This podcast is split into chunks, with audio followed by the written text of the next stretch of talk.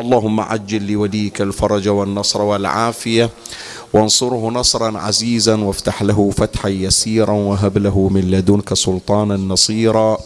رب اشرح لي صدري ويسر لي أمري واحلل عقدة من لساني يفقه قولي. يا كاشف الكرب عن وجه أخيه الحسين اكشف كربي بجاه أخيك الحسين. نادي عليا مظهر العجائب تجده عونا لك في النوائب.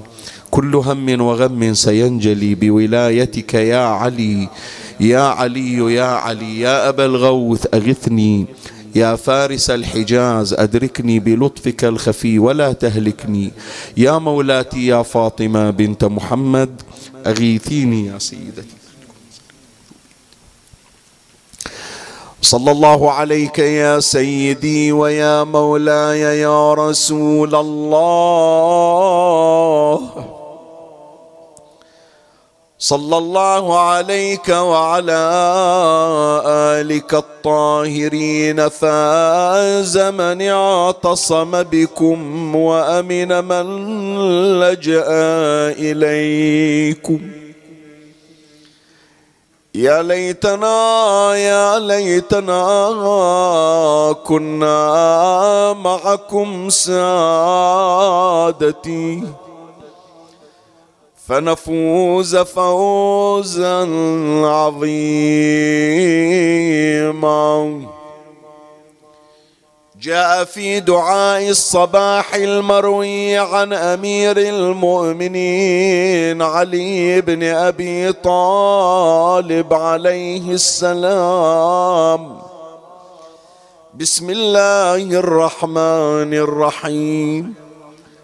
اللهم صل على محمد وآل محمد وعجل فرجهم. فاصفح اللهم عما كنت أجرمته من زللي وخطائي. وأقلني من صرعتي ردائي.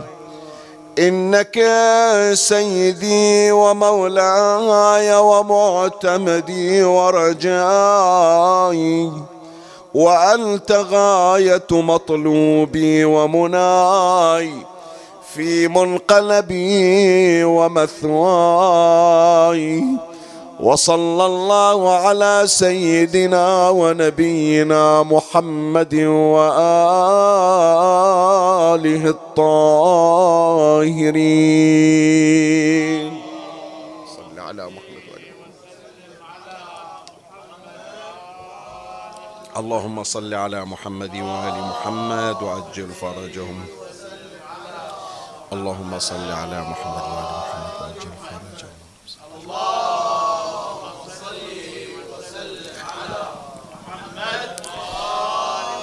هذه هي الحلقة الثالثة من سلسلة عودة إلى دعاء الصباح. وفي بحث هذه الليلة سوف نقف على فقرات وعبارات هذه المقطوعة التي تلوتها على حضراتكم. وسيكون الحديث في محطات أربع. أتناول كل فقرة من هذه المقطوعة وأقوم ببيانها إن شاء الله. ومن الله أستمد العون والتوفيق ومن مولاي أبي الفضل العباس المدد وألتمس منكم الدعاء وثلاثا بأعلى الأصوات. صلوا على محمد وآل محمد. اللهم صل على محمد وآل محمد. اللهم صل على محمد وآل محمد وعجل فرجهم. اللهم صل على محمد وآل محمد. اللهم صل على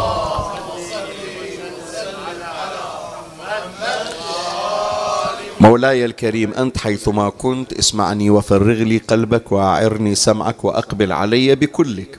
هذه المقطوعة التي مرت عليك سنقوم ببحثها في محطات أربع. وأما المحطة الأولى فهي بعنوان الصفح عن الزلل والخطأ. انطلاقا من قول أمير المؤمنين سلام الله عليه فاصفح اللهم عما كنت أجرمته من زللي وخطائي. في البداية في هذه المحطة نشير إلى معنى الصافح.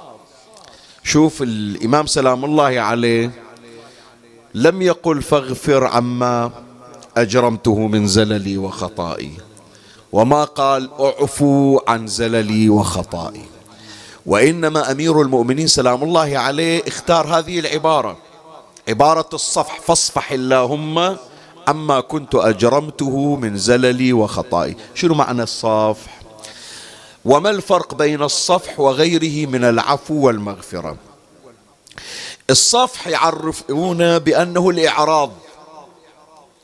يعرفون الصفح بالإعراض. الإعراض شنو يعني؟ يعني إدارة الوجه عن الشيء. حتى عندنا إحنا ترى في ألفاظنا وفي مفرداتنا الدارجة يقولون أعطاه صفحة. أعطاه صفحة يعني شنو؟ يعني أدار وجهه عن الأمر. شايف؟ إيه. أشاح بوجهه عنه أي أعطاه صفحة وجهه. جانب الشيء يسمونه صفحة الشيء. السيف عادة جانب وجانب يقولون صفحة السيف.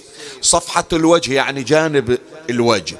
فلما يقولون صفح عنه يعني أعرض عنه عوض أن يستقبله بالشيء لا كأنما حال بوجهه شاح بوجهه. فأخذوا هذا المعنى اللغوي وطبقوه على الإعراض عن المعاتبة والتثريب.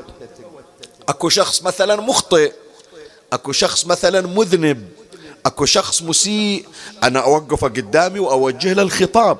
شنو معنى أوجه إلى أوجه إلى يعني أستقبله بوجهي. أصفح عنه يعني شنو؟ يعني أعرض عن توجيه الخطاب توجيه العتاب توجيه اللوم والتثريب فأعطي صفحة الوجه يعني تركت معاتبته. وهذا اللون يا إخواني يقولون أرقى أنواع العفو. قد واحد يقول شيخنا شنو الفرق بين الصفح وبين العفو؟ الصفح يشتمل على العفو لكن الفرق بين الاثنين شنو؟ حط بالك راح أجيب لك هذا المثال. مرة ولدي مثلا يقوم بخطأ. إما أنه أطلب من عنده آمر فيقصر في في تأديته أو أنه يصدر من عند من عنده ما يغيظني. فأنا راح أسامحه راح أعفو عنه راح أتجاوز عن خطأ لكن قبل لا أعفو عنه إيش أسوي؟ أوقفه أعاتبه. ليش تسوي كذي؟ ليش هذا التصرف يصدر من عندك؟ ما تعرف بأنه تصرفك في إيذاء وإغاظة هذا عقوق والولد العاق لا يوفق. زين بابا تسامحني لو سامحتك بس لازم أول شيء أوجهك. إيه فالمعاتبة يقولون عند اللي عنده إحساس وشعور أشد من العقوبة. أكو بعضهم مستعد أنه يقطع بالسيف ولا يسمع كلمة معاتبة خصوصا من شخص أحسن إليك.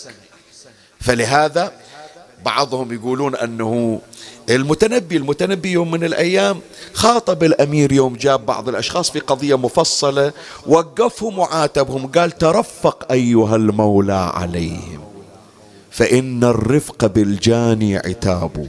تعرف هذا اللي عنده شعور لما يقول روح ما راح أعاتبك؟ تأذيه. الحكاية أكثر مما لو بوبخه فإذا عندنا مرة عفو ومغفرة لكن تأتي أو يأتي العفو والمغفرة بعد شنو؟ بعد المعاتبة. الصفح درجة أعلى. الصفح درجة أرقى. الصفح أنا أغفر لك وأعفو عنك ولا أوقفك بين يدي للمحاسبة والمعاتبة. فإحنا لما نطلب من الله تبارك وتعالى أن يصفح عنا. وأمير المؤمنين وهو سيد البلغاء والمتكلمين. ما قال اعفو عني وما قال اغفر لي وإنما قال فاصفح اللهم عما كنت أجرمته من زللي وخطائي. يعني يا ربي مو بس تغفر إلي وتعفو عني حتى باكر يوم القيامة توقفني قدام الناس.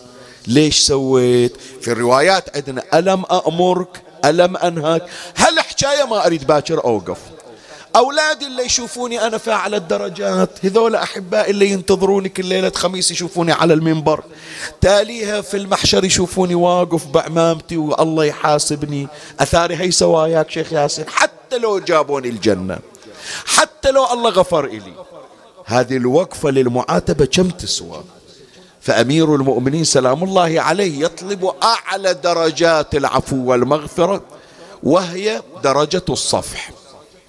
فلهذا يا إخواني شوية راح أجيب لك معلومة خليها في بالك يعني. وأنتم كلكم أهل معرفة لكن فقط من باب إنعاش الذاكرة. الله تبارك وتعالى يوصف بأنه أكرم الأكرمين. مو تمام؟ واحدة من أسماء الله الحسنى شنو؟ الكريم. زين. الكريم يعني شنو يا جماعة؟ شنو معنى الكريم؟ شوية فكر فيها قبل الجواب.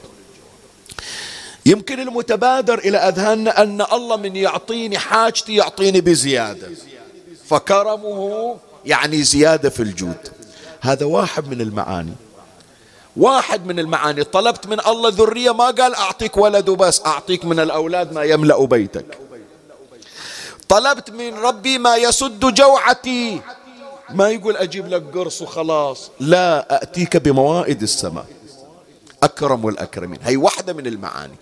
الثاني من المعاني اللي إلنا شغل فيه أن الله تبارك وتعالى من كرمه مو بس يغفر لك ويعفو عنك لا. وإنما يصفح عنك فلا يحاسبك. وفوق هذا بعد مو بس ما يعاتبك يبدل الله سيئاتك إلى حسنات. ويحول الله عدد السيئات والمعاصي إلى درجات راقية. فهذا فلان إحنا اللي نشوفه بالدنيا عنده خطايا عنده ذنوب. تقول باكر هذا وين راح يذبونه؟ بنار جهنم. تالي ما نشوفه إذا هو في درجات عالية في الجنة. شو إيه؟ الله أكرم الأكرمين صفح عنه وستر عليه وأبدل سيئاته إلى حسنات. وجعل حسناته درجات عاليات فإحنا هذا نقول ما حصلها باستحقاق لكن من الله عليه بنعمة الصفح. فلهذا واحدة من الصفات اللي نخاطب بها رب العزة شنو؟ يا كريم الصفح. خلي أقرأ لك الدعاء وأتمنى يا أحبائي اللي قاعدين عندي بالمجلس ولا الآن في بيوتهم أو يسمعون فيما بعد. هذا الدعاء الوارد عن الإمام زين العابدين عليه السلام. مجرب لقضاء الحاجة المتعسرة. فراح أقرأ لك الدعاء وتتابع وياي وراح يمر علينا شاهد الصفح الإلهي إحنا جايبينه من باب الاستشهاد وهم أيضا طلبا لقضاء الحوائج.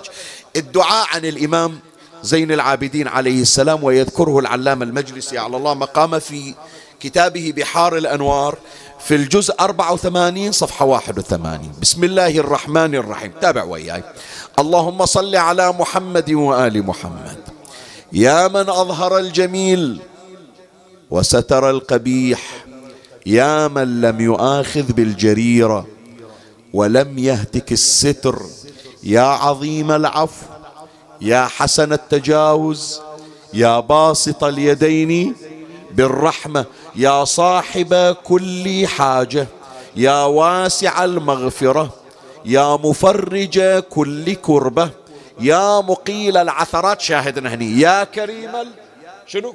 يا كريم الصفح يا عظيم المن يا مبتدئا بالنعم قبل استحقاقها يا رباه يا سيداه يا غاية رغبتاه أسألك بك وبمحمد وعلي وفاطمة والحسن والحسين وعلي بن الحسين ومحمد بن علي وجعفر بن محمد وموسى بن جعفر وعلي بن موسى ومحمد بن علي وعلي بن محمد والحسن بن علي والقائم المهدي الأئمة الهادية عليهم السلام أن تصلي على محمد وآل محمد وأسألك يا الله ألا تشوه خلقي بالنار وأن تفعل بي ما أنت أهله. قدموا حوائجكم الآن. واذكر حوائج إخواننا إخواننا الذين سألون الدعاء. وصلى الله على محمد وآله الطاهرين. اللهم صل على محمد. فإذا عرفنا معنى الصفح شنو؟ وصفح الله تبارك وتعالى لا يعادله صفح مخلوق من المخلوقين. فلهذا الله يوصف بأنه كريم الصفح. الواحد في الدنيا أقصى ما عنده من الصفح أنه يسكت ما يعاتب. الله تبارك وتعالى مو بس ما يعاتب ما يعاتب ويستر ويعامل الإساءة بالإحسان. وهل جزاء الإحسان؟ إلا الإحسان. فإذا إمامنا أمير المؤمنين سلام الله عليه يقول فاصفح اللهم عما كنت أجرمته من شنو؟ من زللي وخطائي. زين خلينا نوقف عند هالنقطة هذه حتى نتجاوز المحطة الأولى. عندنا زلل وعندنا خطأ. شنو الفرق بين الاثنين؟ أمير المؤمنين سلام الله عليه ليش ما قال فاصفح اللهم عما كنت أجرمته من خطئي أو من زللي ليش جاب الثنتين؟ الزلل غير الخطأ. هم اثنين هم معاصي. لكن الفرق بين الاثنين الزلل يا إخواني جمع مفرده زلة. والزلة مو مقصودة. ما تسمع يقولون زلت قدمه فوقع. ما مر علينا باللغة العربية. واحد يمشي والأرض زلق. زين. تزل قدمه فيقع. زين هو قاصد يطيح لا ما حد يتمنى الطيحة ولا حد يريد الطيحة. إيه أمر خارج عن إرادته لم يقصده. الخطأ تارة يكون مقصود. أنا يوم جاوبت جواب خطأ مو كاتب وأنا مغمض وأنا نايم. هو صح الجواب خطأ لكن قصدت أن أكتب الجواب الخطأ. من أرتكب معصية ذاك ال... والمستجار بالله الذي يقوم بالمعاصي يدري الله راح يعاقبه. لكن لغلبة نفسه عليه. فارتكب الخطيئة وهو قاصد. فالفرق بين الزلة والخطأ شنو؟ إلا سوى الزلة ما قاصد. عند مأمنين على سر قاعد يسولف ما ملتفت إلا؟ باح بالسر. وش سويت أنا؟ إيش سويت؟ ما قاصد. هي يسمونها زلة مرة واحد لا يراود فتاة مثلا عن شرفها تقول له حرام اتق الله يقول أدري حرام. لكن بعد خلاص. الآن هذه خلاص ركبته برأسي. فهو يرتكب الخطأ وهو قاصد له. في كل الأحوال أمير المؤمنين سلام الله عليه يقول مثل ما الخطأ جريمة الزلل بعد شنو؟ هم جريمة. شوف العبارة اقرأها وياي. فاصفح اللهم عما كنت أجرمته من شنو؟ من زللي وخطائي. طيب إحنا لو واحد مكاننا يقول الجريمة في الخطأ لأنها مقصودة مو في الزلة الزلة مسكين ما يدري. فليش أمير المؤمنين قدم الزلة على الخطأ؟ إيه شوف تربية أمير المؤمنين إلنا يا جماعة شلون. هذا اللي ما ملتفت. لما يعامل الزلة معاملة الجريمة يعامل الخطأ جريمة أكبر. فإذا كان حتى اللي مو مقصود يخاف أنه يبعده عن الله تبارك وتعالى. هو صح هو قاعد وحكى حكاية التي توجب غضب الله وهو ما قاصد ما ملتفت إلها قال له فلان اتق الله ترى أنت قاعد تحكي عن أعراض الناس. يقوم يضرب على رأسه يا رب سامحني. إذا رآها هذه الزلة أنها جريمة شلون يقدم على الجريمة؟ وهو قاصد لها. فأمير المؤمنين يعلمنا يا إخواني أن أي شيء يغضب الله هو جريمة. من حتى الشيء اللي مو قاصدنا. واحد يقول إي أنا ما أدري. صح ما تدري بس حط بالك. لا يوم من الأيام تتجرع على الله تبارك وتعالى. فمن هنا يا أحبائي راح أقول كلمة حتى نختم هذه ونخلي نقطة آخر السطر.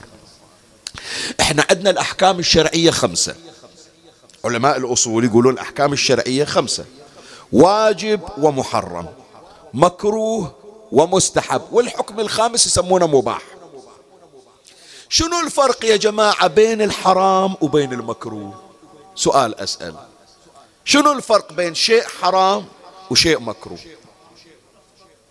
شنو؟ إيه. النص الفقهي يكشف عن إرادة إلهية. يفرقون علماء الأصول بين الحرام والمكروه. كلاهما يغضبان الله لكن الحرام يستوجب عقوبة. المكروه أيضا يغضب الله. لكن الله ما يخلي عليه عقوبة مثل شنو؟ ذاك البعيد ترك الصلاة. حرام لو مو حرام؟ تستوجب عقوبة لو ما تستوجب عقوبة؟ زين. ترك النوافل. صح ما يستوجب عقوبة لكن يغضب الله لو ما يغضب الله. لو لم يكن يغضب الله ما طلبها الله من عندنا. صحيح لو لا؟ فأنت إذا عاملت المكروه معاملة الحرام. إذا واحد صار حريص على صلاة الليل ما يفوتها. هذا باكر يفوت صلاة الصبح. شوف فلهذا تربية أمير المؤمنين سلام الله عليه أن تعامل كل ما يغضب الله معاملة الجريمة. فإذا الشيء المكروه خفت أنه يغضب الله فتجنبت المكروه. فأنت أولى بأن تتجنب المحرم. وإذا حرصت على المستحب وعاملته معاملة الواجب صار حرصك على الواجبات. كذلك برتبة المستحب فبالتالي ضمنت رضا الله وتجنبت غضبه. فهذه المحطة الأولى أتينا على تمامها. زين انجي الآن إلى المحطة الثانية وهي جدا مهمة وكل الحديث مهم لكن هذه أهم المحطة. أمير المؤمنين سلام الله عليه في دعاء الصباح يقول وأقلني من صرعة ردائي. شوية خلنا نوقف عند هالعبارة لأنها جدا مهمة يا إخواني كل الحديث قلت لك مهم لكن هذه العبارة أهم. وأنت تقرأها كل يوم. وأقلني صرعة ردائي وأقل زين شنو الرداء؟ وشنو صرعة الرداء؟ وشنو يعني أقلني صرعة الرداء؟ أولا الصرعة بمعنى الطرح. شيء الطيحة على الأرض يقولون صرعته. ما سامع يقولون فلان صرعه أرضا. شنو يعني صرعه أرضا؟ يعني طرحه أرضا. حتى هذا من يقولون عن فلان بأنه قتيل صريع. صريع يعني شنو؟ يعني طريح طاح على الأرض. انصاب وطاح فيقولون هذا صريع.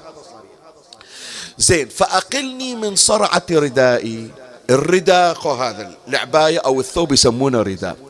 يقول يا ربي لا تطيح ثوبي.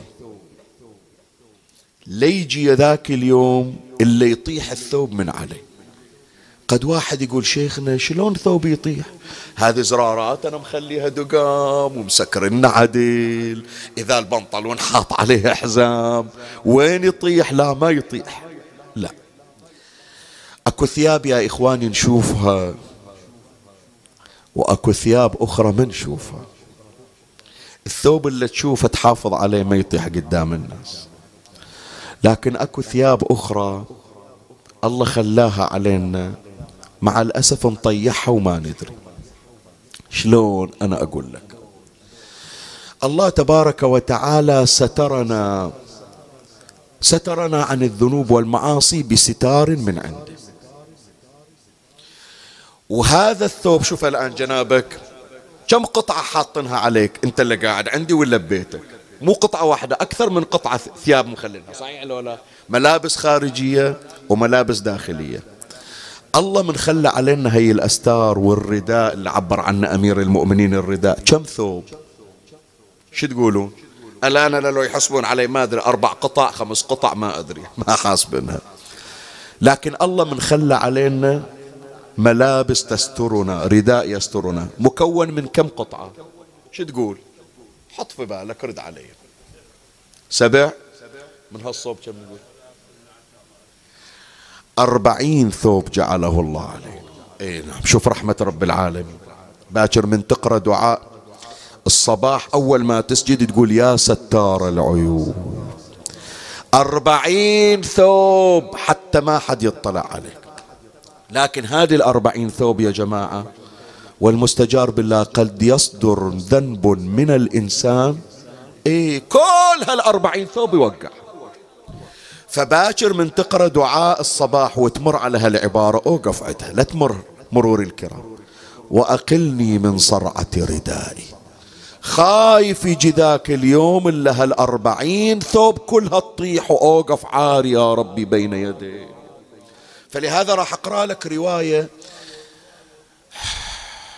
إيش أقول لك يعني؟ صدقني وأنا قاعد أكتبها.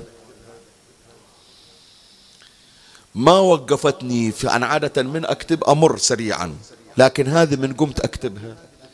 كل كلمة أكتبها وأرد أوقف بحاجة يا إخواني مو عين تشوف ولا أذن تسمع. بحاجة إلى قلب يرجف. حتى نعرف يا إخواني إحنا لولا ستر الله علينا فلسين ما نسوى وحقك فلسين ما نسوى شلون أنا أقول لك اليوم تسمع عن حكومات في العالم؟ هذا الحاكم إلى أكبر دولة تطلع عليه إشاعة واحدة تطيح سمعته يطلعونه يقولون يلا اطلع. شنو؟ قال خلاص انفضحت.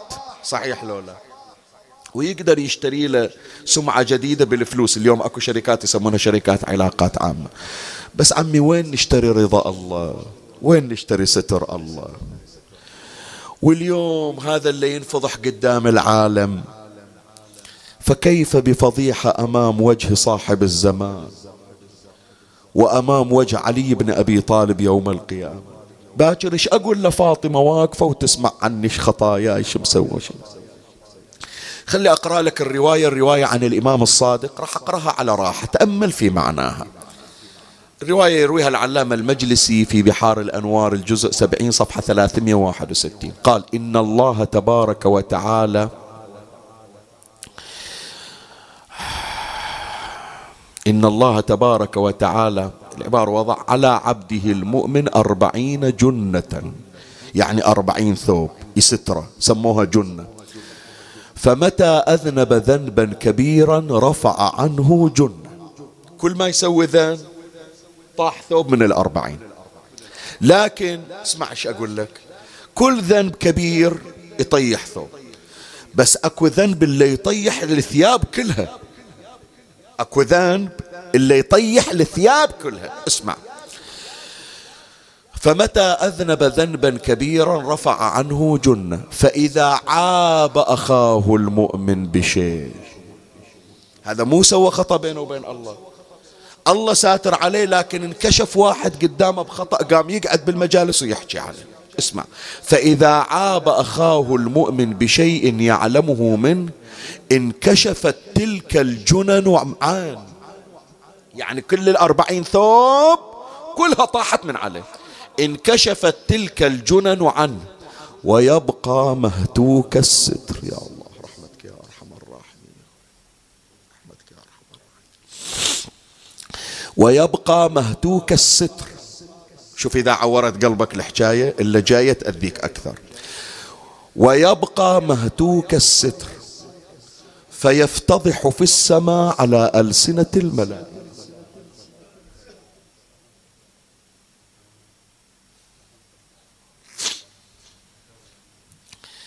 مو عمي هني عندنا بالبحرين أو برا البحرين. دروا دروا البحرين برا البحرين ما دروا. دروا الخليج برا الخليج ما دروا.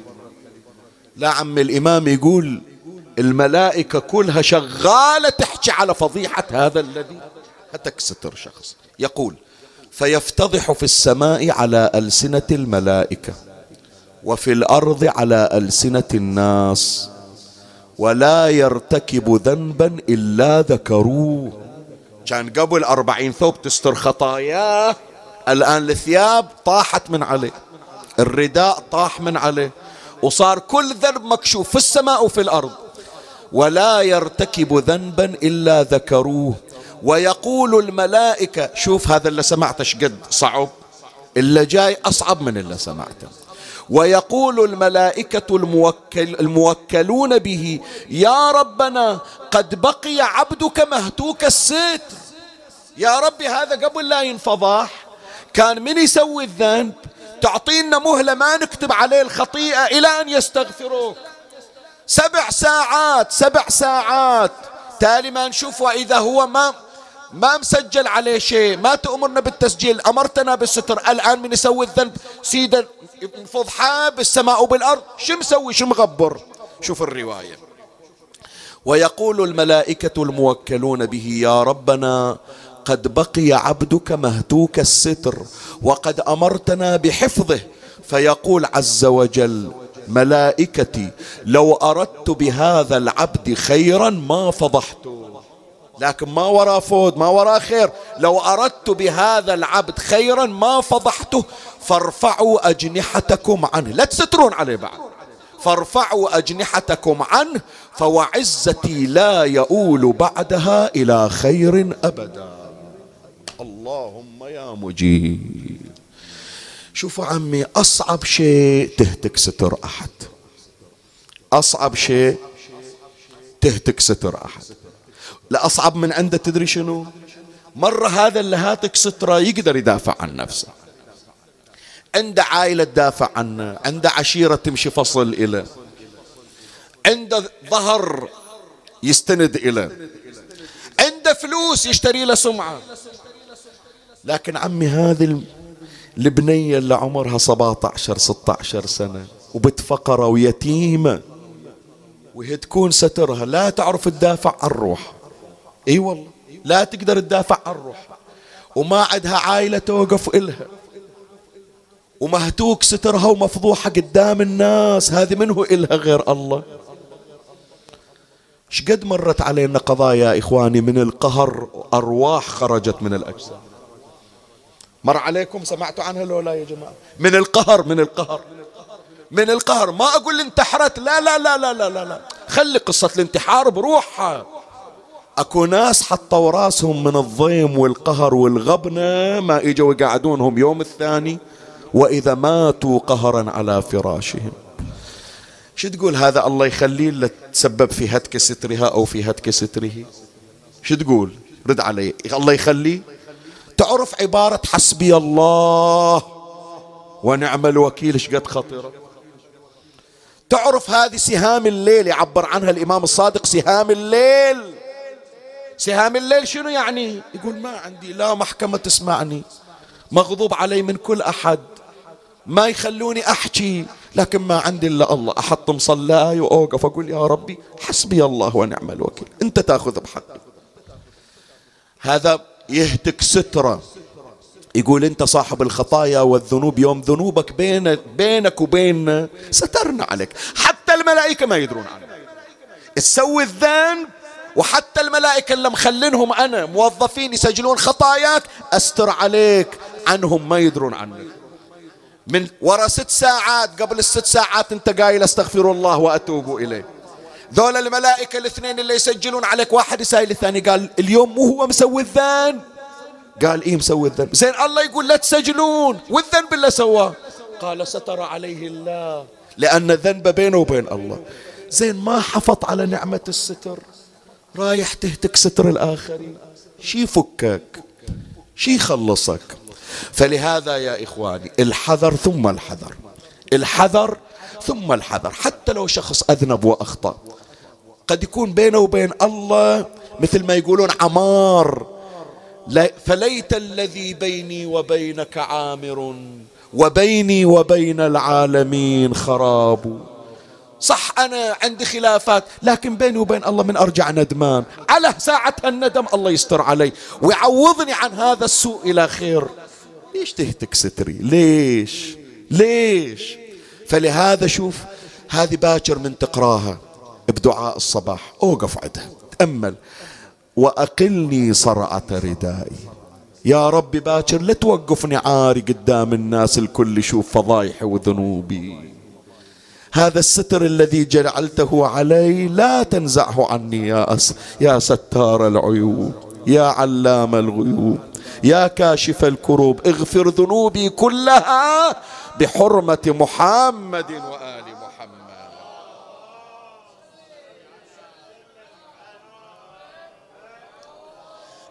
المحطة الثالثة من المقطوعة الفرق بين السيد والمولى. عبارة أمير المؤمنين سلام الله عليه. خلينا نقرأها من أول حتى تتابع وياي. فاصفح اللهم عما كنت أجرمته من زللي وخطائي وأقلني من صرعة شنو؟ ردائي. فإنك سيدي ومولاي ومعتمدي ورجائي. طيب يجي واحد يسأل شيخنا أمير المؤمنين ليش قال سيدي ومولاي؟ شنو الفرق بين الاثنين؟ خو إما يقول فإنك سيدي أو يقول إنك مولاي. الفرق بين الاثنين شنو يا جماعة؟ شوية هذه جميلة فيها ترى فيها النكتة. إحنا كلنا يا جماعة الحمد لله رب العالمين. الله تبارك وتعالى جمعنا في هذا المجالس لذكر معشوق القلوب الحسين ابن علي. سلام الله عليه. وجعل أفئدة من الناس تهوي. خلي شوية أفرح قلبك يا عاشق الحسين. الفرق بين السيد والمولى. ترى السيد ويا العبد والمولى ويا العبد. لكن الفرق بين الاثنين شنو؟ السيد يقولون بلحاظ الملكية. من يقولون فلان سيد البيت. سيد البيت يعني شنو؟ يعني صاحب البيت مالك البيت. تمام؟ لكن قد يكون صاحب البيت ما يدري عن البيت. صحيح لو لا؟ اكو واحد مثلا عند البيت لكن هو مسافر ولا يدري البيت إيش صاير بيه.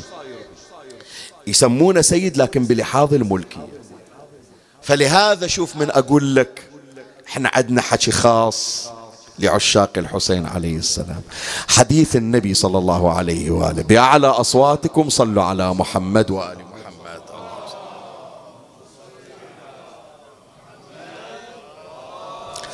الحسن والحسين سيدا شباب أهل الجنة. شنو يعني سيدا شباب أهل الجنة؟ هذا من يوم إحنا أطفال صغار حافظين الحديث. صحيح لو لا؟ ولا أتصور واحد من المسلمين ما مر عليه. بس فكر فيه شنو يعني سيدا شباب أهل الجنة؟ السيادة بلحاظ الملكية. يعني هذه الجنة اللي ننتظر إحنا نروح لها في نهاية المطاف ملك منو يا جماعة؟ ملك الحسين ملك الحسن. فإنت إذا إجيت إلى الجنة اعلم بأن الله لما رضى عنك وجنبك النار جعلك تتنعم في أملاك الحسين بن علي. أعيدها إليك؟ خلي أعيدها إليك. شوف أنا أصير خوش آدمي بالدنيا. أتجنب المعاصي أتجنب الخطايا. الله بيش يجازيني. يجازيني مو قصة الأكل والله نهر من لبن وحور عين وقصور هذا النعيم كله. ترى في أملاك الحسين. يعني رضيت عنك فجعلت نعيمك في مكان هو للحسين خاصة. تخيل أنت لو يعطونك جنة لكن بعيد عن الحسين. تسوى شي هالجنة؟ بشرفك قل لي. لا والله. ابدا. فلهذا يا إخواني ذولا أهل الذوق أهل الذوق يفكرون في رضا الحسين. لأن رضا الحسين هو الجنة الحقيقية. شوف أنصار الحسين عاشوراء ما كانوا يفكرون شيء. ما كانوا يفكرون والله شنو انتظر حورية وانتظر قصر وانتظر غيره. ينتظر رضا المولى. يقول ما وين ما يوديني الحسين؟ لأني أعلم بأنه ما من نعيم إلا هو عن طريق الحسين عليه السلام. وأما إذا أغلق باب الحسين فالنعيم ينقلب إلى جحيم ولو كان في جميع لذات الدنيا. شوف أعطونا جنة مصغرة في الدنيا وفي الآخرة. الله راوانا الجنة الحقيقية في حرم الحسين. شرفك واحد يجي في صحن الحسين ويشوف ضريح الحسين قدامه وفكر في همومه بعد؟ لا أبدا. يقول أي هم أفكر بشنو؟ أفكر بأموال؟ أفكر بعقار؟ هو هذا هو هذا غنى الدنيا والآخرة. فلهذا الله يعطينا وإياكم إن شاء الله. الجلوس في صحنه في القريب العاجل. يقول الحسين عليه السلام قتلت غريبا مكروبا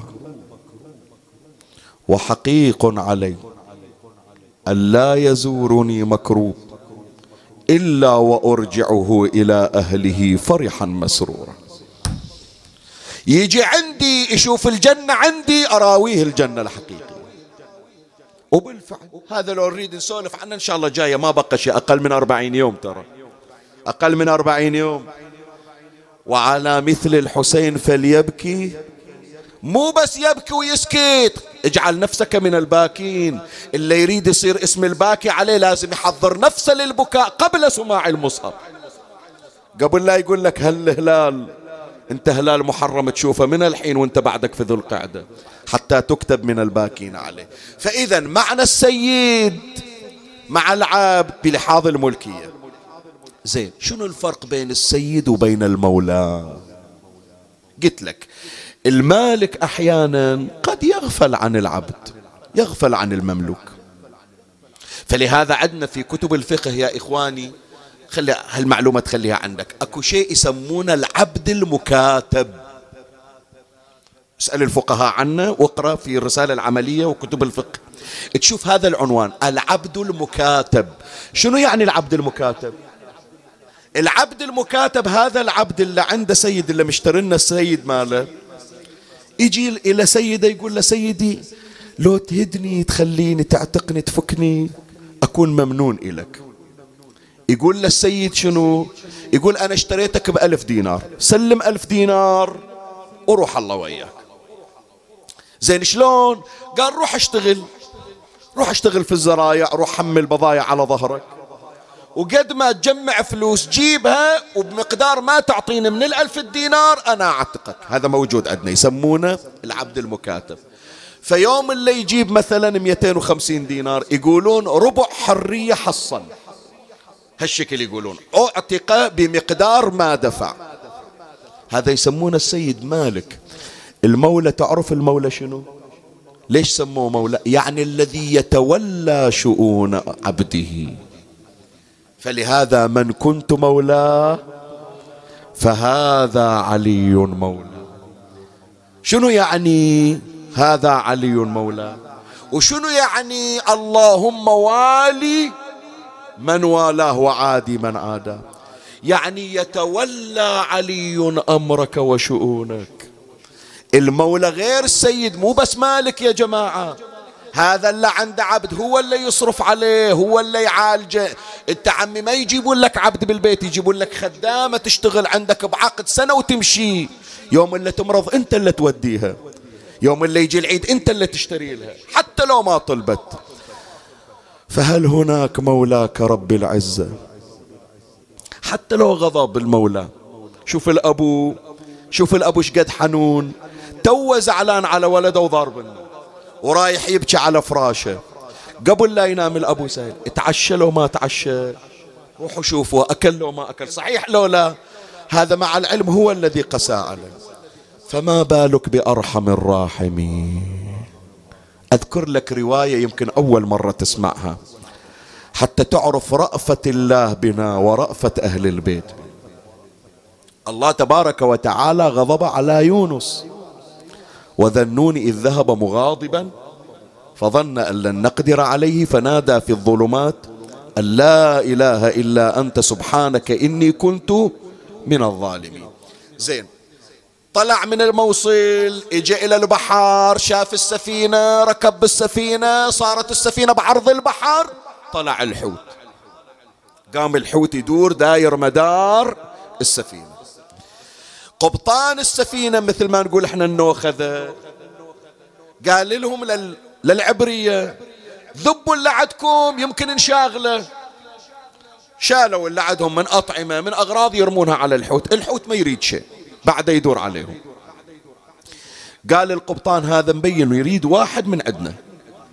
كل واحد مقابل أنه الحوت ياخذه.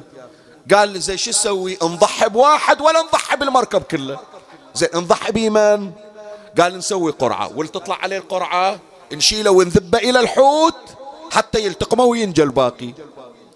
حطوا القرعة. خلوا القرعة كل مرة القرعة تطلع على يونس ابن متى. الحوت ما يريد إلا يونس. قالوا ما يصير. يونس إحنا من صعد عند ما شفنا غير يعبد الله. ما يصير هذا عنده ذنب. إحنا المذنبون. قال ناخذ خيرة قرعة ثانية قرعة ثالثة قرعة رابعة. لا القرعة ما تطلع إلى يونس. قال يلا شيلوا. شيلوا ولا الحوت قضى علينا كلنا. فألقوا يونس فأول ما وقع التقمه الحوت.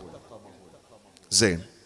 هذه الرواية اللي يمكن أول مرة تسمع عنها يرويها العلامة المجلسي على الله مقامه وتبين لك شقد هذا المولى الرحيم بنا. حتى إذا غضب علينا رب العالمين فإننا لا نتخلى عن رحمته ورأفته بنا. العلامة المجلسي يقول في بحار الأنوار الجزء 14 صفحة 404 قال إن الله سبحانه أوحى إلى الحوت إني لم أجعل عبدي رزقا لك. إن شاء الله لبالك أنا يوم اللي خليتك تبلع حتى تاكل. ملق منك نبي. لا هذا مو رزق لك إن الله سبحانه أوحى إلى الحوت إني لم أجعل عبدي رزقا لك ولكني جعلت بطنك له مسجدا. مخلنا يجي عندك ببطنك حتى يناجيني في ظلمات البحر. شوف رحمة رب العالمين. من نقول مولى من نقول مولى.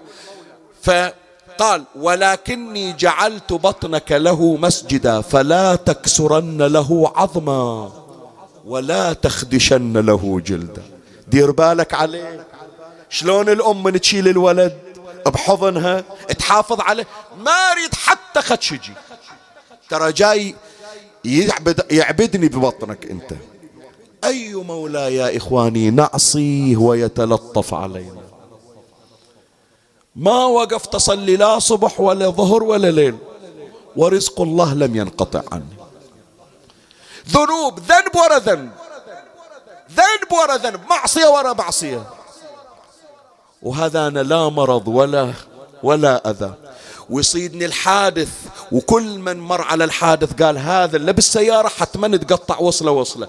وأطلع خدش واحد ما بجسمي. لا زلت تحت رحمة رب العالمين. فلهذا شوف أمير المؤمنين.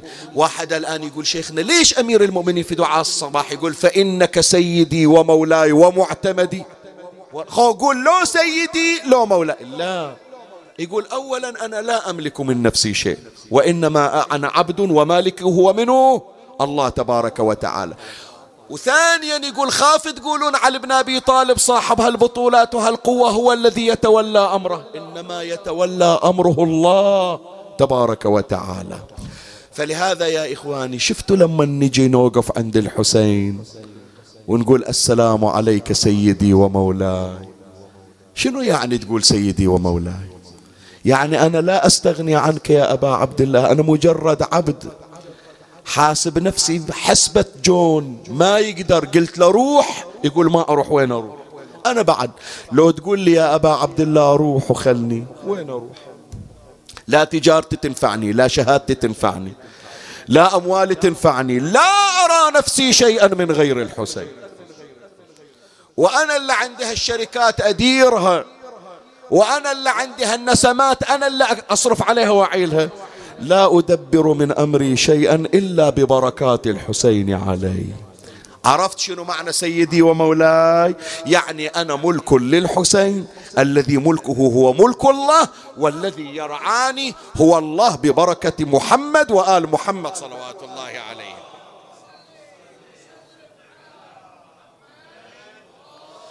نأتي إلى المحطة الرابعة والأخيرة وهي ختام البحث سوء المنقلب والمستجار بالله. إيه وأنت غاية مطلوبي ومناي في منقلبي ومثوى عندنا شيء يا إخواني يسمونه سوء المنقلب أجارنا الله وإياكم. شنو سوء المنقلب؟ سوء المنقلب يعني سوء الرجعة. أنا مسافر ومرتب البيت. ما رجعت ما رجعت من السفر وإذا البيت مبيوق وإذا البيت محترق. يسمونه شنو؟ سوء المنقلب. يعني ما رجعت إليه بخلاف ما تركته. ولهذا إذا تتذكرون يا إخواني حتما أنتم من تطلعون للسفر تقرون دعاء السفر. في دعاء السفر أكو فقرة اللهم إني أعوذ بك من وعثاء السفر وكآبة المنظر وسوء المنقلب في المال والأهل والولد. مو الشكل إحنا نقرأ حتى من تطلعون عند الحدود تشوفونه حتى بالطائرة يقرونها لكم يقول أنا مخلي بيتي ومخلي عائلتي خاف أرجع واحد من أولادي متمرض. خاف أرجع وإذا أموالي مسروقة. خاف أرجع وإذا بيتي تالف حلالي رايح. يسمونه سوء المنقلب. عمي سوء المنقلب في الدنيا يعوض. لكن سوء المنقلب في الآخرة شو يعوضه؟ بيت رجعت إلى مبيوق إلا مباقي أشتري غيره. بيت رجعت إلى محترق أرممه ويرجع أحسن من قبل. ولد راح من إيدي الله يعوضني بأحسن من عنده. لكن إذا انتهيت من حياتي وكشف الله عني بصري وإذا عاقبتي إلى سوء العاقبة والمستجار بالله. شي يعوضها رب ارجعون. لعلي أعمل صالحا فيما تركت. كلا إنها كلمة. شنو يعني كلمة هو قائلها؟ خلاص شي يرجعك بعد. أعطيناك مو فرصة فرص. شي يرجعك. فلهذا يا إخواني دعاء الصباح وغيره من الأدعية والنصوص تحرص على أن نرزق حسن العاقبة لا سوء العاقبة. وشوف إيش أقول لك خلاص مجلس انتهى عمي هذا مجلسي خلاص بعد انتهى. إذا رأيت نفسك ورأيت من تحب ورأيت المؤمنين قد ختم الله لهم بحسن العاقبة. تعرف حسن العاقبة حصلتها بشنو؟ سؤال أسألك شنو؟ بدعاء إمامنا صاحب العصر والزمان الحجة ابن الحسن. ترى واحدة من مهام الإمام سلام الله عليه أنه يدعو لشيعته ومحبيه بأن يختم الله لهم خاتمة حسنة ويجيرهم من سوء المنقلب. فلهذا شوف دعاء الإمام سلام الله عليه يذكر العلامة المجلسي في الجزء 53 صفحة 178 كتاب الإمام الحجة حتى تعرف كل يوم صاحب الزمان شنو دعاء إلنا. قال عافانا الله وإياكم من الفتن وذهب لنا ولكم روح روح اليقين ووهب لنا ولكم روح اليقين وأجارنا وإياكم من سوء المنقلب. هذا من يوم هو شباب ذاك البعيد. يريدون الناس يشوفونه بحسينية ما شافوا. يريدون الناس يشوفونه بمسجد ما شافوا. يريدون الناس يشوفون من عنده خير ما شافوا. وصل عمره خمسين سنة ستين سنة سبعين سنة ما شافوه في محرم من ليلة حادي ولا هو في المأتم. جت الأربعينية وإذا حاجز وطالع ويا الزوار. جت ليلة القدر وإذا شايل المصحف ومفاتيح الجنان وحضر. وإذا آخر سنتين ثلاث سنين من حياته انصلح أمره. مر علينا ناس من هالنوع يا جماعة لولا. شقد شفنا أشخاص في أيام شبابهم كانوا منحرفين. لكن ختم الله لهم بالحسنى. رزقهم الله العاقبة الحسنة جنبهم سوء المنقلب. واحد يقول شو اللي منو حكى وياه؟ ولا يسمع من أحد. كم واحد كلمه ما فات هذا إذا ما وجدت سبب فاعلم بأنه من بركات دعاء إمامنا الحجة بن الحسن. عجل الله فرجه الشريف. دعاء الإمام لشيعته في كل يوم أن يجنبهم سوء المنقلب. فعدنا شيء يسمونه سوء المنقلب. وعدنا شيء والمستجار بالله يسمونه سوء المثوى. المثوى تعرف شنو المثوى؟ القبر يعني. القبر يسمونه المثوى. ثوى في قبره يعني أودع في قبره. زين القبر شلون يصير سيء؟ المثوى شلون يصير سيء؟ عذاب القبر والمستجار يقول رسول الله صلى الله عليه وآله القبر إما روضة من رياض الجنة أو حفرة. هذا مو قادر يطلع برا يجون يطقون عليه الجرس. مو قادر يطلع على الباب والدرجة وموصله 46 شلون يحطونه في حفرة من نار؟ زين لا. ما جابوا نار في قبره. لا وإذا القبر ينضغط عليه ضغطة القبر يسمونه سوء المثل. لا عمي ما ضغط القبر. ما ضغط القبر. لكن القبر مظلم. القبر موحش. عمي أسايلك أنت مر عليك ما أقول لك قبر انسى القبر شوية. صعدت طائرة مسافر. تأخرت الطائرة ساعة واحدة وانت في الطائرة. على seat على كرسي على cushion تكييف موجود. بس لأنك في, في طائرة ما تعرف أحد. تحس نفسك وحيد. كل ساعة وتسأل متى بنسافر. صحيح لو لا؟ ما تقدر تتصور نفسك وحيد. فلو تصورت نفسك في حفرة ضيقة ليس معك أحد. حتى اللي تحبهم خلوكم مشوا. خلصوا من المقبرة وسيدة راحوا الحسينية. هناك تكييف وليتات موجودة. تعالوا عندي ما عندي أحد. تعالوا عندي فاتحتي خلوها صوب قبري على الأقل أتونس بصوتكم. لا عمي ما نقدر. الجو حار. المطر يطيح. فلهذا شوف روايات أهل البيت. دائما تذكر الوحدة في القبر. مناجاة الإمام زين العابدين سلام الله عليه. يقول يا أنس كل غريب. حتى نقرأ إحنا. يا أنيس المستوحشين. في وين؟ في الظلم. الإمام زين العابدين يقول يا أنس كل غريب مفرد آنس في القبر وحشتي. ويا ثاني كل وحيد ارحم في الثرى طول وحدتي. خلاص عم المجلس انتهى بعد. هذه ساعة إلا خمس قارينها الآن. جاب أمير المؤمنين جنازة أم حسين. بنص الليل والمشيعين أربعة خمسة. المكثر يقول اثنى عشر نفر. فلما وضع علي جنازة فاطمة وحرك السرير وإذا بالأرض قد انشقت لفاطمة. العلامة المجلسي يذكر القضية. أول ما انفتح القبور هو إلا الجو مظلم. هي إلا الدنيا ليل والقبر مظلم. فلما رأى علي قبر فاطمة دمعت عينه فقال اللهم إن هذه بنت نبيك أخرجتها من الظلمات إلى النور. يعني ما تستاهل أم حسين. يسمونها زهرة زهرت الدنيا بنورها. الآن شلون تطيح وتنزل في هالمكان المظلم. فقام علي وصلى ركعتين عند قبر فاطمة. ثم قال علي اللهم إن هذه بنت نبيك أخرجتها من الظلمات إلى النور. فلما قال علي هذه الكلمات يقول العلامة المجلسي وإذا الأرض قد أضاءت لفاطمة ميلا في ميل.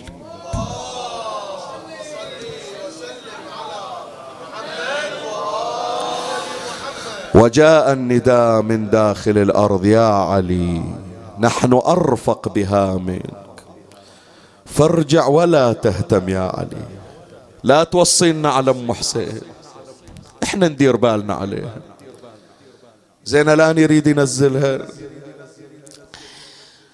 لما انحنى علي على فاطمة يريد إنزالها أحس بأن فقرات ظهره تتباعد عن بعضها البعض. رد رجع وقعد على الأرض. هلا شال باب خيبر؟ مو قادر يشيل بنية عمرها 18 سنة. وصفها الراوي قال وأصبح, وأصبح جسد فاطمة كالخيال. ثوب ثوب. يعني نزل كفن ترى. ما نزل جسم الجسم منحول. مو قادر يشيلها علي. يقول الشيخ المازندراني وإذا بكفين خرجتا من قبر فاطمة. كأنها يدا رسول الله وتناولت جسد الزهره جيبها أبو حسين جيبها. جيبها إحنا ننزلها. انت خلك انت اللي شفته شوي مو شوية. انت اليوم من الصبح اللي شفته مو شوية تهد جبال. خمسة أصابع على عين. وصدر مثقوب بمسمار. وما أدري كم من عظم تحرك في خاصرتها. بعد نخليك تنزل جنازتها. لكل اجتماع من خليلين فرقة وكل الذي دون الفرايات قليل قليل قليل. وإن افتقادي فاطما بعد أحمد. دليل على أن لا يدوم خليل عشاق فاطمة. خلنا نون الليلة على الزهرة. يا زهرة يا زهرة يا ريحانة إلى الهادي يا زهرة ويا من نورك على العالم. يا زهرة يا زهرة. وين ما قاعدين؟ بالمجلس ببيوتكم. وين ما قاعدين؟ كلكم صيحوا يا زهرة. علي يقول قبل ما أموت حاكيني. يا زهرة يا زهرة ابن عمك علي رد علي. اي ابن عمك علي رد عليه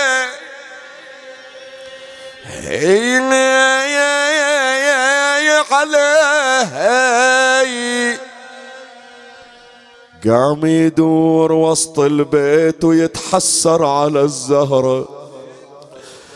واتذكر زمان راح وحط ايده على ظهره وسأل أولاد عن زينب ولأنها تنوح في الحجرة. وناداها وفتح باعه وضمها وحضنته بليده قالت لعليها البيت مو حشقوم يا عيوني. وين بتروحين؟ ودن الروضة الزهراء أموت هناك خلوني. قالها يا نظر عيني دسكت ولا تذوبيني. تراني من كسر ظهري وصاحت بيه يا أبو حسين. بويا يا بويا عاين المسمار بعد مخضب بدمها. يا بويا شفت بعيوني صوت العبد ألم. يا بويا شفت بعيوني المحسن يعتفور. يمها علي لماتت الزهرة وترجع لي بعد من وين. راحت راحت أريد أبكي أريد أبكي. وشالت وشالت أريد أبكي على الربت وشالت وشالت بعيني ما بقت دمعه وشالت زينب تقول وين أمي مشت عني؟ وشالت وشالت بس بيوتها ظلت خلي زينب ما تنامين الليل نص الليل. كل أطفال المدينة ناموا. قالت طلب واحد بعد ما عيد الكلام بويا رجع للحنون وأنا نام. بويا أني طفلة وبيتي من أمي ظلام. بويا بالله عليك مش عيوني. اخرجوا جنازة من عند زينب في ليلة واحدة وجاء علي عندها ومسح دمعتها. وإجت ليلى على زينب عدها اثنين وسبعين جنازة. كلما دمعت لها عين نزل الصوت على ظهرها. صاحت ما جيت ما جيت حيدر يا أبويا ليش ما جيت؟ ترى من الصبح يا جماعة شقد اتصالات من برا البحرين شيخنا الليلة ادعي لنا عندنا حاجة ومتعسرة خصوصا هذا أخونا اللي بجدة. يوصينا يكون لا تنسونا بالمجلس فأريد هلونا يا جماعة بنية قضاء الحوائج خلي واحد يرد على الثاني. اي حيدر يا ابويا ليه؟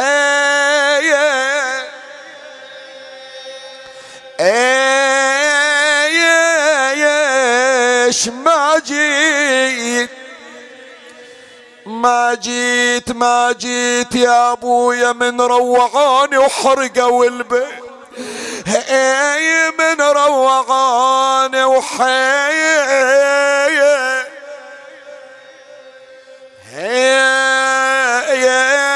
هرقوا البيت ذبحة ورجالي وغصب ذلت خلى البيت يا أبويا. خلى البيت لا والد لي ولا عم ألوذ به ولا أخ لي بقي أرجوه ذو رحمي يا الله اللهم صل على محمد وآل محمد. بك يا الله بمحمد بعلي بفاطمة بالحسن بالحسين بعلي بمحمد بجعفر بموسى بعلي بمحمد بعلي بالحسن بالحجة ابن الحسن بجاه أم البنين بجاه أبي الفضل العباس كاشف الكرب عن وجه أخيه الحسين. بجاه كل صاحب جاه عندك بصاحب كل جاه عندك يا رب العالمين. اقض حوائجنا وحوائج المحتاجين. فرج عنا وعن المؤمنين. اشف المرضى سيما من سألونا لأجلهم الدعاء. يسر اللهم كل عسير اصرف عنا كل سوء ومكروه ترحم على أمواتي وأموات البادلين والسامعين. أوصل لهم ثواب هذا المجلس الشريف. عجل اللهم فرج إمامنا صاحب العصر والزمان. شرفنا برؤيته وارزقنا شرف خدمته. وبلغ أمواتي وأموات الجالسين والسامعين والمؤسسين والمؤمنين ثواب سورة الفاتحة تسبقها صلوات